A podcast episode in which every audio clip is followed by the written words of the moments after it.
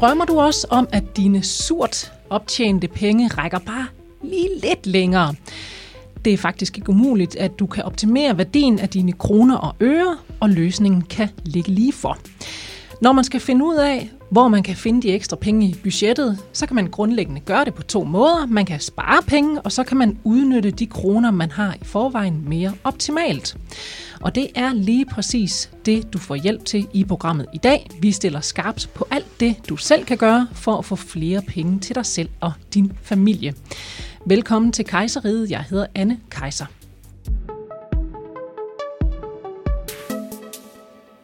Og vi starter programmet der, hvor vi i forvejen har øh, vores penge stående. Det er nemlig i banken hos dig, Janette Riese Jacobsen, bankrådgiver i Jyske Bank. Velkommen til Kejseriet. Tak for det. Og vi hopper lige øh, ud i det. Janette, hvis man skal finde pengene i, i budgettet, man, man i forvejen har, øh, men man har hen i banken, der har man jo sine penge øh, nogle gange, i hvert fald hvis man er så heldig at det. Hvad er det så for nogle poster, der, der virkelig er værd at kigge på der?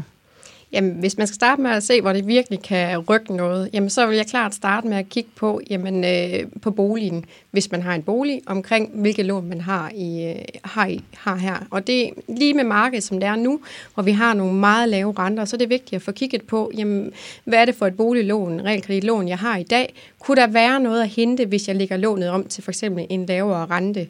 Øhm, det kan også godt være, at det ikke er fordi, man decideret går efter at spare øh, kroner omkostningsmæssigt, men fordi man måske er i en periode i livet, hvor man har brug for noget ekstra plads. Øh, det kan være, at man er, er på dagpenge i en periode, eller mm. barsel, eller det kan også være nogle ekstra udgifter i øh, budgettet, øh, som er midlertidige, som for eksempel efterskole. Mm. Så kan det også godt være, at man kan gå ind og bruge sin øh, mursten, øh, altså huset, til at kunne finde besparelse i form af afdragsfrihed i en periode. Øh, og der vil man kunne hente øh, en del øh, på månedsbasis. Øh, også ved for eksempel at omlægge lånet og have en, måske en rentebesparelse, hvor man kan finde det i, ydelsen. Mm-hmm. Øh, der kan vi simpelthen gå ind og kigge på de fastforrentede lån i dag, hvis man ligger i noget 2% og stadigvæk ikke har fulgt med ned, øh, jamen så har vi haft 1% øh, og halv procent fast rente åben. Og der kan jo godt være noget at, at hente der saksens især, især hvis vi kigger på, på nogle større lån. Øhm, ja, og samtidig så kigger vi selvfølgelig også på, på løbetiden af lånet. Er det en kort løbetid, jamen så kan vi også vælge i omlægningen og, og give det en længere løbetid, og derved mm. også frigive øh, nogle midler. Så det er lige boligen, man, man sætter ind på der. Det er det første, du vil gøre. Hvad, hvad kan man ellers øh, kigge på øh, nede hos banken? Jamen, så vil vi også gå ind og kigge på, hvad foregår der på de andre kontorer. Jeg vil nok også sidde og tage en dialog med kunden omkring, jamen lad os gå ind og kigge i budgettet. Hvad er det for nogle faste udgifter, I har? Og hvor længe er det siden, I har kigget på dem? Øh, der er mange, som, hvor det bare kører via betalingsservice, og så betaler man bare. Mm. Og det er der nogle gange at spørge, jamen, hvor længe er det siden, du snakkede med dit forsikringsselskab? Kunne det være, at I har øh, de dækninger, I har behov for, og i så fald betaler I den rette pris, eller kunne det være, at vi skal ind og skrue på noget og finde nogle besparelser der? Så der vil jeg anbefale, at man ringer til sit forsikringsselskab og lige får tjekket op på, om, øh, om man nu også har det rette i forhold til ens behov. Fordi vi ændrer os hele tiden, og det gør de materielle ting også øh, på hjemmefronten. Øhm, og så kan det jo også være sådan en ting at få kigget på sit, øh, sine abonnementer i forhold til mobil og tv, øh, om man nu får det brugt. Øh, det, der er jo mange, som, øh, som måske øh, har mere øh, i forhold til mobilabonnementer, end man egentlig bruger. Mm. Og der man kunne ringe sin udbyder og spørge omkring, hvad, hvad mine muligheder er i forhold til, hvad vores behov er. Øhm, så det er bare nogle af de få steder, man kan, man kan kigge på, man kan spare. Jeg oplever også mange, når de har de her betalingsserviceoversigter, at de sådan, gud, det vidste jeg kan betale til. Øh, det må vi da hellere ja. få gjort noget ved. Det kan være nogle foreninger, man betaler til, eller øh, det kan for eksempel også øh, være fitness, som har kørt i nogle år, hvor man ligesom, nej, jeg bruger det ikke. Øh, det kunne godt være, at nu, nu stopper vi det. Så, øh, så det kan være sundt nogle gange lige at gå ind og få kigget det igennem, og så finde noget der. Hvis vi lige vender tilbage øh, til det her med, med boliglånet, som vi startede med, altså der, hvor du siger, at det er i hvert fald der, man så kan starte. Kan man sige noget om, altså hvor stor en besparelse kan man kan man opnå? Altså det er meget svært at sætte to linjer under. Det er fordi, at vi alle sammen er forskellige. Gud skal tak og lov for det. Øh, og, og når, vi, når jeg siger, at vi er forskellige, jamen, så er det også forskellige i forhold til, at vi har et hus, værdien af huset, hvor meget lån har vi i huset, hvad er løbetiden, øh, og, og hvilken rente ligger lånet i, hvilken låntype ligger lånet i, så ud fra hvilke muligheder der så måtte være. Men i min dagligdag i forhold til, til omlægninger i dag, jamen, så kan jeg sagtens se nogen, hvor vi kan finde øh, bare ved en almindelig omlægning 1000 kroner øh, om måneden. Øhm, og måske også mere, hvis vi går ind og snakker om at forlænge noget løbetid, eller øhm, der er også nogen, der vælger, øh, at det er nu, jeg tager variabel rente, at nu jeg tager fast rente. Alt efter man kommer fra og mm. til. Og derfor så er det en altid en rigtig god idé at få øh, spurgt sin rådgiver, om der kan være noget at hente, og så fortælle rådgiveren, hvad, hvad det er, man ligesom søger. Fordi søger man en besparelse, månedlig besparelse i økonomien, fordi man synes, det kunne være rart, jamen så er det det, man går efter, fordi der kan være, der kommer et eller andet.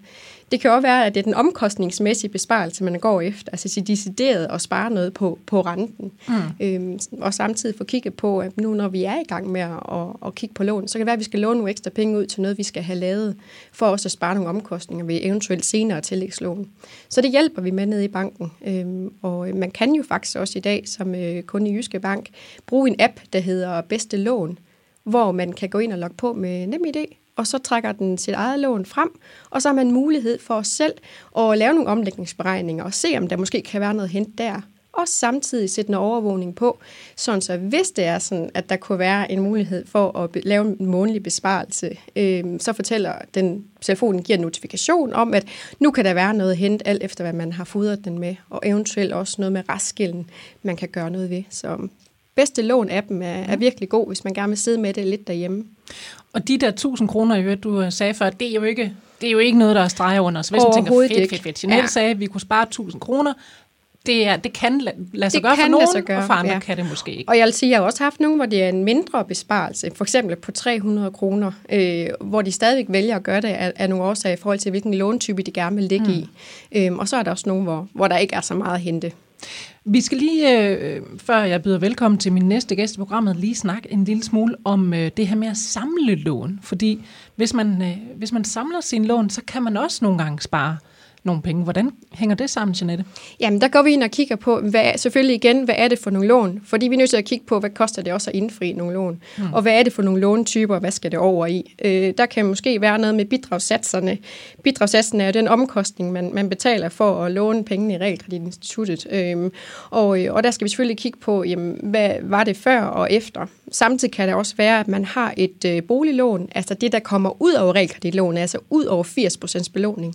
Øh, de lån er altid øh, dyrere på renten, fordi de ligger yderst.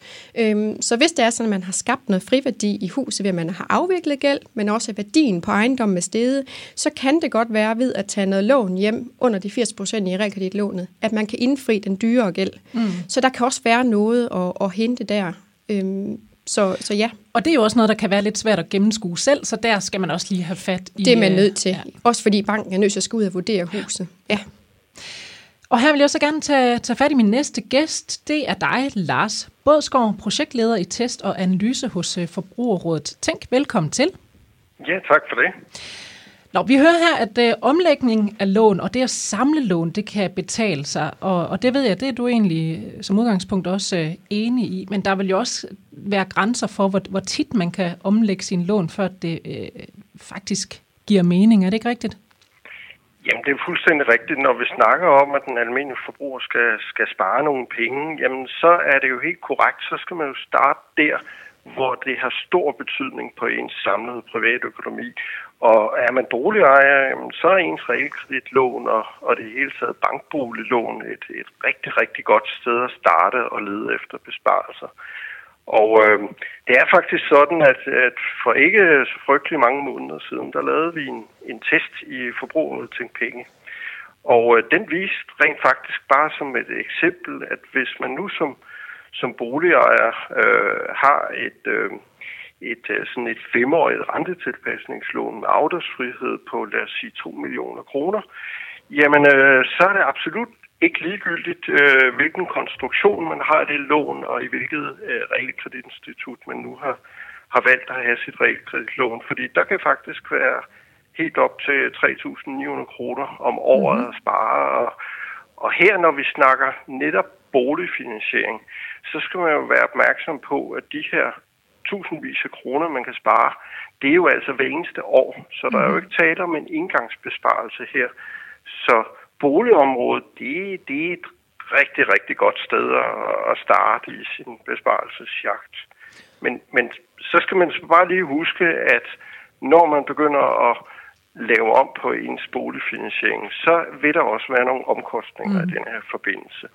Og måden at tilgå det her på, det er jo, at ens besparelse, den skal jo så stå i et øh, godt og positivt forhold til de omkostninger, man, man får, øh, når man laver omlægningen om.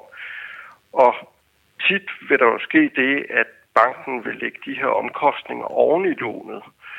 Øh, så slipper man jo for at få sådan et, et tivekort eller en faktura, om du vil, men det ændrer jo ikke på det faktum, at det er nogle penge, man har brugt, og at ens gæld så er stedet med det, og det kan altså godt rask væk være igen afhængig af, af situationen og hvor meget gæld man har i boligen, så kan det altså godt løbe op i både 15 og 20.000 kroner som en indgangsudgift. Og der plejer jeg at sige, at så skal besparelsen altså helst kunne hente den her udgift hjem i løbet af et par år eller sådan noget mm. lignende. Det nytter ikke noget, at man først via besparelserne får hentet omkostningerne hjem, når der er gået 6-7 år. Øhm, så kan der altså ske så meget i mellemtiden, så, så, så, så risikerer man egentlig bare, at man sparer øh, 10 og, og så sætter en krone til i ja. stedet for. Så, så de her omlægninger skal med andre ord heller ikke øh, ske for tit. Det, det, det er noget, man skal gøre med, med, med et vist øh, års interval, ikke? Ja, man kan jo sige, at man, jeg vil snarere sige, at man skal ikke gøre det sådan, øh, han har sagt for sjov skyld, eller fordi man lige siger, hov, nu kan jeg lige spare 100 kroner her.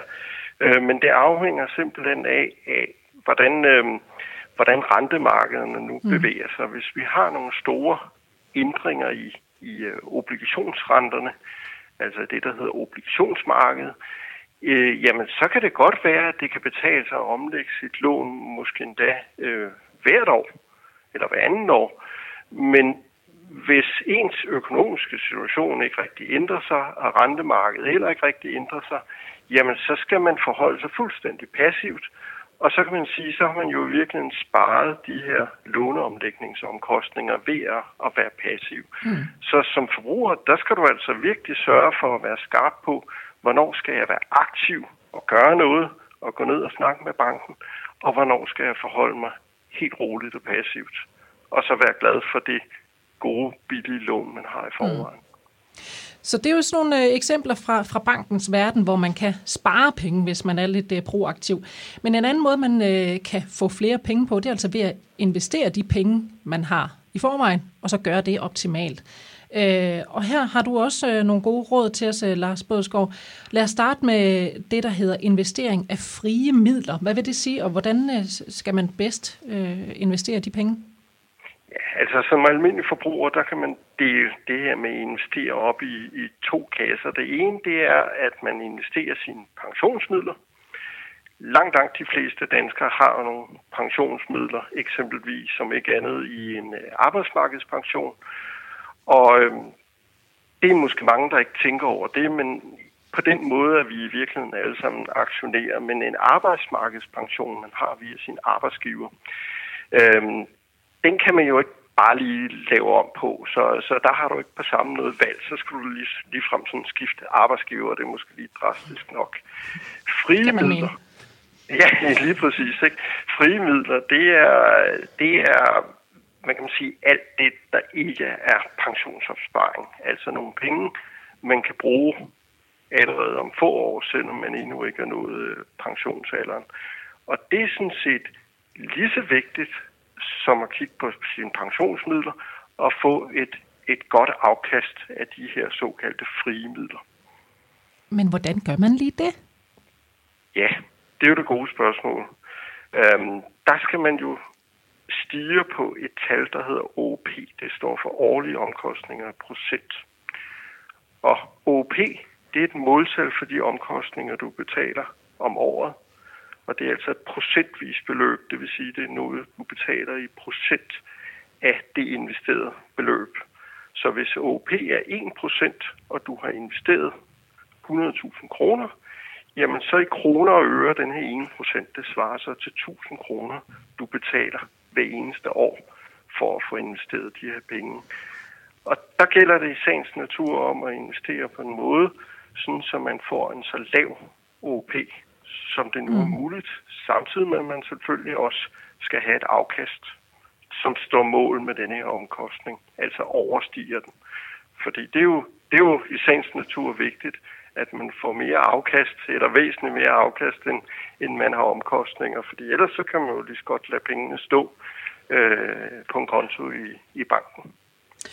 Og til at hjælpe med, med de her ting her, der ved jeg også, der, der, der siger du, at jamen, det giver mening også at søge noget rådgivning. Øh, fordi det er et, et ret omfattende område, det her med investering. Men hvem skal man søge rådgivning øh, hos, Lars? Jamen altså, der er det jo sådan, at øh, først og fremmest så skal man vurdere, om man, om man selv ligesom har ja, både evnerne og, og, og viden og, og måske også energien og ikke mindst tiden til at tage sig af det her med investering. Øh, har man det, og, og nogle forbrugere har jo en ganske omfattende øh, viden og også interesse, jamen så kan man altså godt selv gå i gang med det her med investeringen. Men jeg ved jo så også fra mit arbejde i forbruget tænkt, at der er mange forbrugere, der synes, at det her det er godt nok noget svært noget, det her med investering. Og så er det altså en god idé, hvis man har det sådan som forbruger at søge professionel rådgivning. Og det kan du gøre enten nede i banken, eller du kan gå til de her uafhængige finansielle rådgivere, som jo modsat banken, der rådgiver om deres egne produkter, så vil de uafhængige rådgivere kunne rådgive på tværs af, af alle bankernes produkter. Øh, det vil sige, de, de rådgiver så mere bredt, end, end banken vil kunne gøre. Hvad siger du her, Jeanette? Er det, er det ikke fuldstændig optimalt at gå ned til dig og, øh, og søge rådgivning her? Altså, jeg er meget enig i, hvad han siger. Øh, jeg vil jo super gerne have, at mine kunder kommer ned til mig, så jeg kan hjælpe dem med at finde ud af, hvad det er, de er mest til. Det, jeg vil sætte en kommentar til, øh, det er nok det der med at bevæge sig ud i det selv. Det er korrekt, vi har også nogle kunder, der bevæger sig ud i det selv. Det, man skal være opmærksom på, det er selvfølgelig, at man skal have en ret stor volumen for, at det vil kunne betale sig. Fordi køber man mange, mange små øh, fondskoder, altså værdipapirer, så er der mange omkostninger ved handlerne. Mm. Øh, og så det, kan det være svært at få en meget bred risikospredning, hvis man ikke har så mange midler at gøre det for. Så det er noget af det, der taler for måske at komme i et øh, investeringsprodukt, som, hvor vi kalder det et fuldmagtsprodukt, sådan så man kan, med forholdsvis få midler øh, kan komme med i en, i en større risikospredning. Øh, og så har den her, som han også nævner, en årlig omkostning procent, altså en omkostning for at have lov til at komme med i det her produkt. Øh, og så hjælper vi med at afdække øh, kundens risikoprofil, altså hvor meget tør de at satse på den her investering. Fordi der har vi nogle forskellige opdelinger i forhold til, hvor meget, øh, hvor meget chance de tør at tage på pengene for også at få genereret noget afkast. Og hvad med bankens interesse i forhold til kunden, kundens interesse her? Jamen, det er klart også en interesse for banken lige pt. Så er det ikke nogen hemmelighed, at uh, lige nu uh, for kunder, der har indestående til at stå, at uh, det er omkostning for banken. Uh, det ser vi jo også ved, at, at der, så, der begynder uh, negative indlånsrenter. Mm. Uh, men der skal man jo også tænke på, at det koster også lige nu uh, for banken, at kunderne er til at stå. Jeg vil sådan tilknytte en kommentar til det, uh, hvor jeg så vil sige, at uh, man skal også huske på, at selvom kunden, altså kunden har penge til at stå på en opsparingskonto, så tænker man, at den er sikker, det er 0%.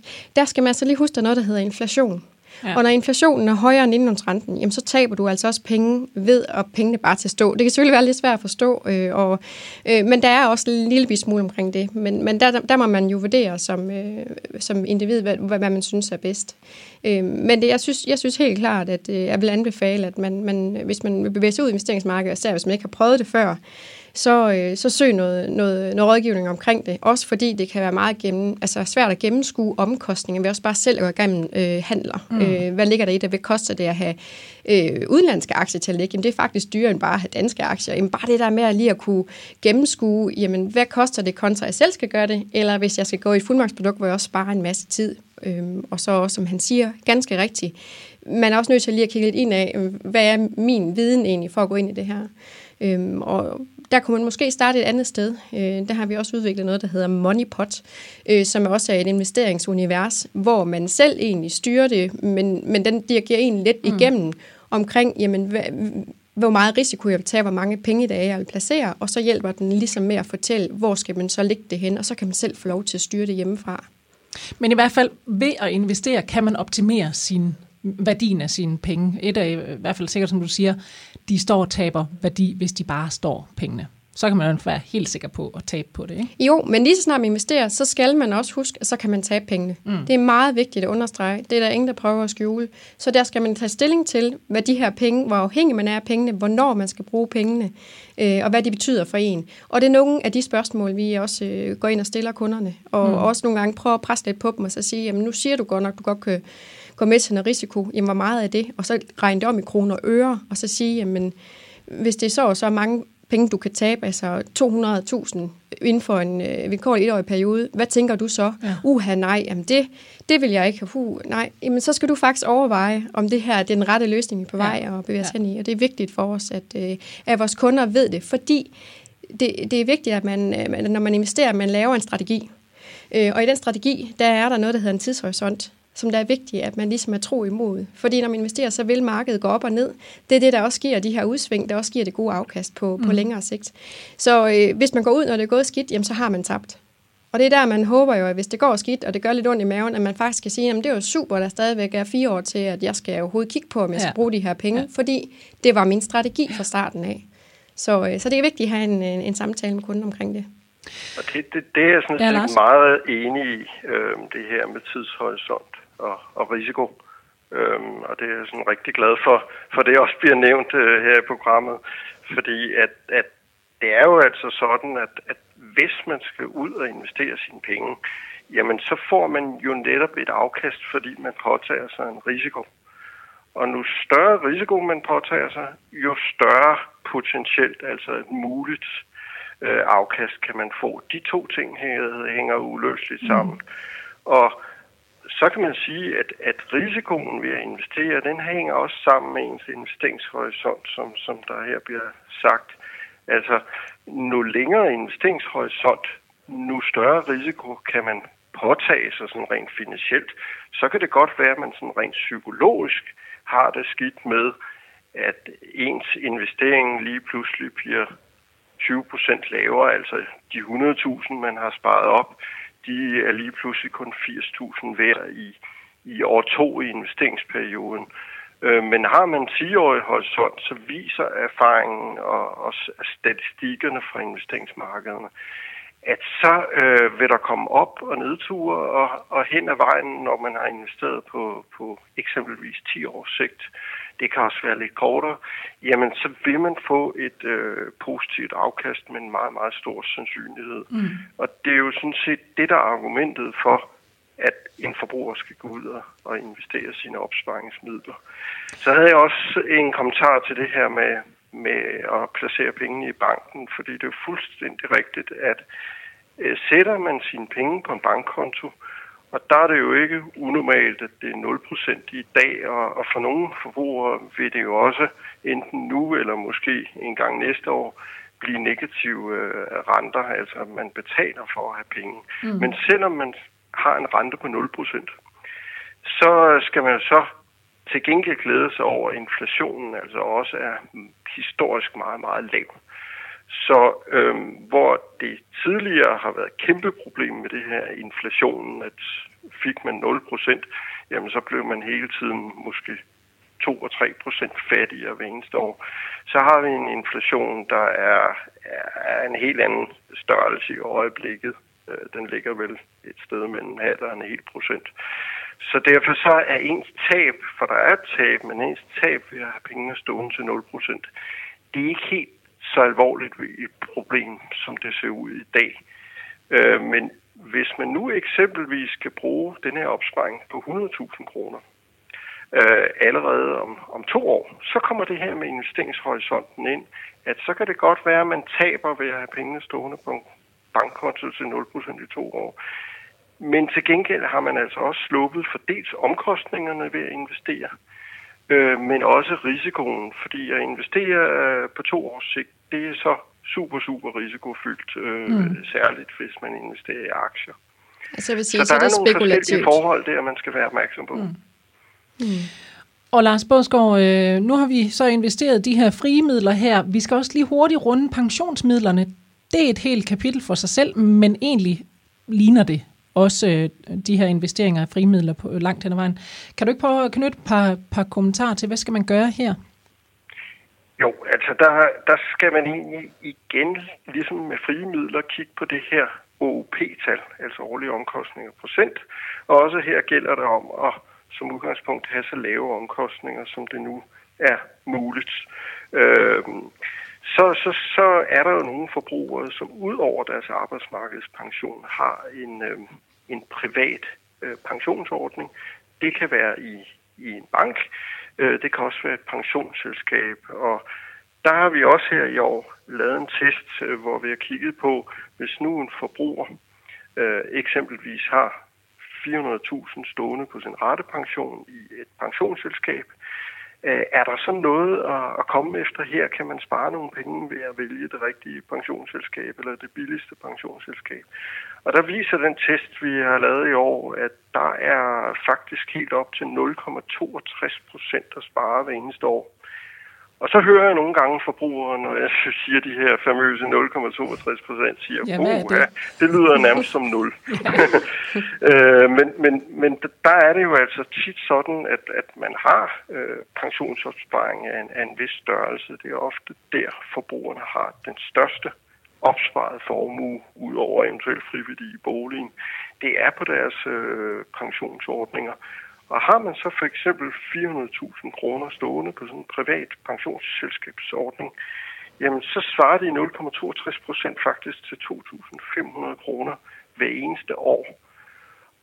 Og der skal man altså være opmærksom på, at øh, der er denne her, det som nogen kalder universets stærkeste kraftrentes renteeffekten. Så hvis man sparer 2.500 kroner hver eneste år, jamen så sker der altså også det, at ens opsparing den stiger mere. Mm. Det vil sige, at man får også mere og mere afkast, fordi at det, man får afkast af, formuen, det stiger også. Så på den måde er der altså sådan en snibboldeffekt ved at spare 2.500 kroner hver eneste år, at det begynder at løbe stærkere og stærkere, og besparelsen bliver større og større. Og når man så står måske 20 år efter og skal bruge de her penge, så var de her 0,62 procent i besparelse, det er lige pludselig tryllet om til måske 100.000 kroner. Man har mere til sig selv til at bruge som pensionist. Og Jeanette, her har du en uh, kommentar, du gerne vil knytte til os? Jeg er igen helt enig. Uh, en af de uh, ting, jeg kan tilføje øh, fra den stol, jeg sidder på som bankrådgiver, det er også nogle gange, at vi ser, at øh, det udover at det hvis vi er så heldige i vores bank, at, at vi kan tilbyde det øh, billigere på OP med pensionen, så skal man også huske, at når man samler sine ting, jamen så kan det være, at der også er andre ting at spare på øh, renten på boliglånet eller billånet. Det der med, at man samler flere forretninger det, det samme sted. Vi oplever nogle gange øh, med kunder, at de har arbejdet forskellige steder og har forskellige øh, pensionsopsparinger til at stå øh, forskellige steder. Øh, og der kan det godt være, at det kunne betale sig for kunder at få dem samlet, øh, sådan så de måske bare arbejder med det, de har igennem øh, arbejde, øh, pensionsselskabet der, og så det, de har i banken, for at få de her ekstra rabatter, der kan være, når man mm. samler flere forretninger det samme sted. Så udover der kan være en besparelse på, øh, på pensionen der, hvor de er investeret, så kan der så også være øh, mere at hente end de 0,62 eventuelt. Så det, det var bare det, jeg ville tilføje. Lars, øh, jeg ved, at, øh, og det skal vi lige hurtigt nå her, øh, tiden går, går hurtigt i programmet, men en af de helt tunge poster, hvor der virkelig kan spares nogle penge, det er på vores forsikringer. Og du har taget nogle, nogle tal med også til eksempel. Vil du ikke prøve at fremlægge dem? Ja, øh, Rent faktisk, så, så kommer der her i december måned, øh, der udkommer vi forbrugere til penge med en øh, helt ny undersøgelse. Den kan ikke blive nyere, hvor vi har været inde og kigge på de her fire typiske skadesforsikringer, forbrugerne har. Det er indbo, og det er bil og hus og ulykkesforsikring. Og så har vi kigget på, øh, hvordan er det lige med besparelsesmulighederne, hvis man som den her helt typiske forbruger har samlet øh, de fire forsikringer i et forsikringsselskab, altså i samme forsikringsselskab, eventuelt for at opnå øh, samlerabat, som nogen jo tilbyder. Og der viser den her helt nye undersøgelse, at der kan faktisk for sådan en type forbruger, der har samlet i et selskab, der kan der være helt op til 5.200 kroner at spare om året på de her i alt fire forsikringer, ved at i stedet for at samle sine forsikringer, så sprede den på to eller flere mhm. forsikringsselskaber. Mm-hmm. Så øh, på forsikringsområdet er der rigtig god mulighed for at spare adskillige tusind kroner, uden at det går ud over ens dækning. Så kan jeg da godt se, at jeg skal til at have kigget ind af. Ja, oh, det skal jeg også. Alt for lang tid siden, jeg har gjort det. Men det kan i hvert fald godt betale sig at tage et kig på sine forsikringer. Tusindvis af kroner at spare. Lige her til sidst øh, i programmet, så skal vi lige hurtigt også runde det, der hedder hverdagsbesparelser. Og det er jo altså det, øh, det, er det, vi, alt det, vi går og, og småbruger penge på øh, til hverdag, som mener I begge to, øh, ved jeg, ikke er en af de helt tungeste poster, men dog alligevel der, man sådan går og har lidt, uh, lidt fokus til hverdag. Alligevel, Jeanette, så ved jeg noget, hvor du siger, at der kan man altså godt uh, spare nogle penge. Det er ved at kigge på, uh, på hvordan man uh, laver bruger, mad, ja. altså bruger, bruger sine penge til, til mad, om man bruger uh, pengene på, på købe mad, eller hvordan man gør det. Hvad er det, man virkelig kan spare penge på her? Jamen det er klart, der, når man skal ind og kigge på selve forbruget, øh, når man har kigget på de faste udgifter, og så ender man på forbruget og går ind og kigger på, hvordan formøbler jeg mine penge, så, så er det en god idé at starte med, øh, hvor meget øh, man bruger på madbudgettet. Og det er altså også inklusiv takeaway øh, og at købe mad i byen. Øhm, og der viser det sig, hvis man er lidt mere, øh, bruger noget tid på planlægning i forhold til madplaner, sådan så man får handlet ind en gang om ugen, og så også sørge for, at der er nogle dage, hvor, hvor man laver dobbeltportion, så man har rester til dagen efter. Jamen, så kan der være mange penge at spare, fordi man undgår impulskøb, øh, og at man ligesom har planlagt. Samtidig en lille joker, vi nogle gange oplever, det, det er, øh, når vores kunder er inde, og manden og konen sidder ved siden af hinanden, og vi kigger på det, og så man finder ud af, hvad det koster, at den ene går ud og køber mad ude i byen, og den anden har måske kantineordning eller har madpakke med. Mm-hmm. Øh, det kan faktisk være rigtig dyrt, hvis man lige tænker, at man bare lige smutter ud øh, i, i, i byen i kort tid og lige tager noget på kortet. Fordi hvis man gør det hver dag, jamen, så kan det løbe op. Øh, og så også bare de små poster, som hvis man lige er tank, øh, og man lige tænker, så tager jeg lige en en kaffe med, eller jeg tager lige en sodavand med, jamen så kan det godt være, at det lige nu måske kun er, er 20 kroner. Men det er klart, hvis man gør det hver gang, jamen, så er det også et beløb, man ikke ser. Så det er en god idé at kigge ind og se, hvad bruger jeg mine penge på, og er det okay, eller vil jeg faktisk gerne omprioritere? Mm. Og, øh, og det, det, ja, Lars? det tror jeg i høj grad også, at øh, vi alle sammen som forbrugere kan genkende til det der. Jamen, man kan bare tage mig selv. I, I dag der har jeg husket at få en, en god og billig madpakke med, som jeg har liggende inde i vores køleskab her på arbejdspladsen. Men øh, der er jo også dage, hvor jeg ikke lige får husket at få den her madpakke med. Ikke? Og, ja, og så skal man ned og, og bruge nogle penge. Øh, og det er jo selvfølgelig ikke en måde at spare penge på, men men det er, jeg tror, langt de fleste lyttere her, de, når de kigger lidt indad, så tænker man, hmm, der er egentlig nok et par to-go-kaffer og, og lidt forskelligt andet øh, mad, man, øh, man bruger penge på. Og der, der kan man helt sikkert spare penge. Altså nu er det her program jo heller ikke skabt til, at vi skal, vi skal øh, hvad hedder det, slå os selv i hovedet med, at vi slet ikke må bruge nogen penge. Det er sådan set bare, fordi vi, vi er ude på at optimere. Så hvis man nu siger, Nå, okay, jeg vil gerne bruge penge på den her kaffe her, så er det jo egentlig også okay at gøre det. Det handler om bevidstheden omkring, hvordan man bruger sine penge, mm. så at man er okay med det, og ikke på bagkant finder ud af, at det skulle have været anderledes. Lars, til allersidst et spørgsmål til dig her. Når nu man øh, skal gå i gang med at, at danne sig et overblik over budget og så videre, og, og, og skabe de her besparelser eller optimere pengene, hvordan øh, griber man det så an? Hvor skal man starte hen, og, og hvad skal man så vente med til sidst? Jamen først og fremmest så er nøgleordet her overblik. Øh, det gælder om at få et overblik over hele sin økonomi og samtlige budgetposter. Og der snakker vi altså både øh, realkredit, låneterminen, men også to-go-kaffen og, og den her mad, man, man henter, fordi man ikke får madpakken med. Ikke? Mm. Så øh, start med det her overblik, og så bevæger man sig ned igennem overblikket, hvor man starter med de største udgiftsposter først, og så gennemgår dem. Er det her optimeret? Er der øh, nogle besparelsesmuligheder? Og så bevæger man sig ned igennem øh, den her sådan, budgettrakt, øh, og ender så til sidst med at sige, oh, er der lige nogle to-go-kaffer, jeg kan spare? Øh, eksempelvis har man måske med tiden også fået øh, tilkøbt to streamingtjenester, og man har måske lige set den der serie, som man egentlig øh, var så interesseret i, og så bruger man ikke den ene streamingtjeneste mere. Jamen, så jeg lige den fra, og så har man sparet 1200 kroner der. Så start med at få overblik, gå igennem besparelsesmulighederne på de største poster, og så slut af med at finjustere til allersidst.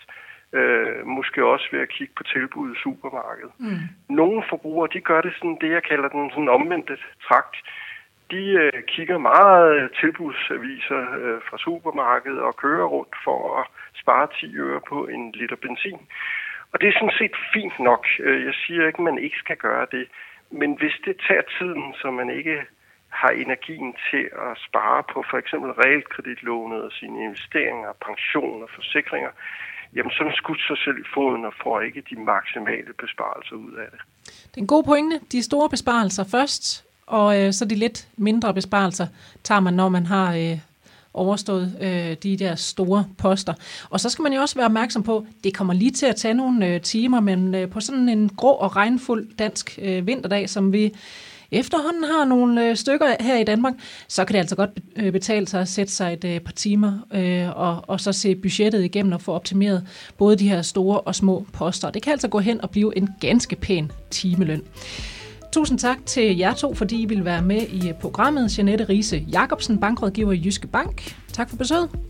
Velkommen. Og også til dig, Lars Bådsgaard, projektleder i test og analyse hos Forbrugerrådet Tænk. Tak fordi vi måtte ringe til dig. Selv tak. Og hvis du har lyst til at kontakte redaktionen, jamen, så kan du gøre det på mailadressen, der hedder anne Jeg hedder Anne Kajser, tak for nu og på genhør.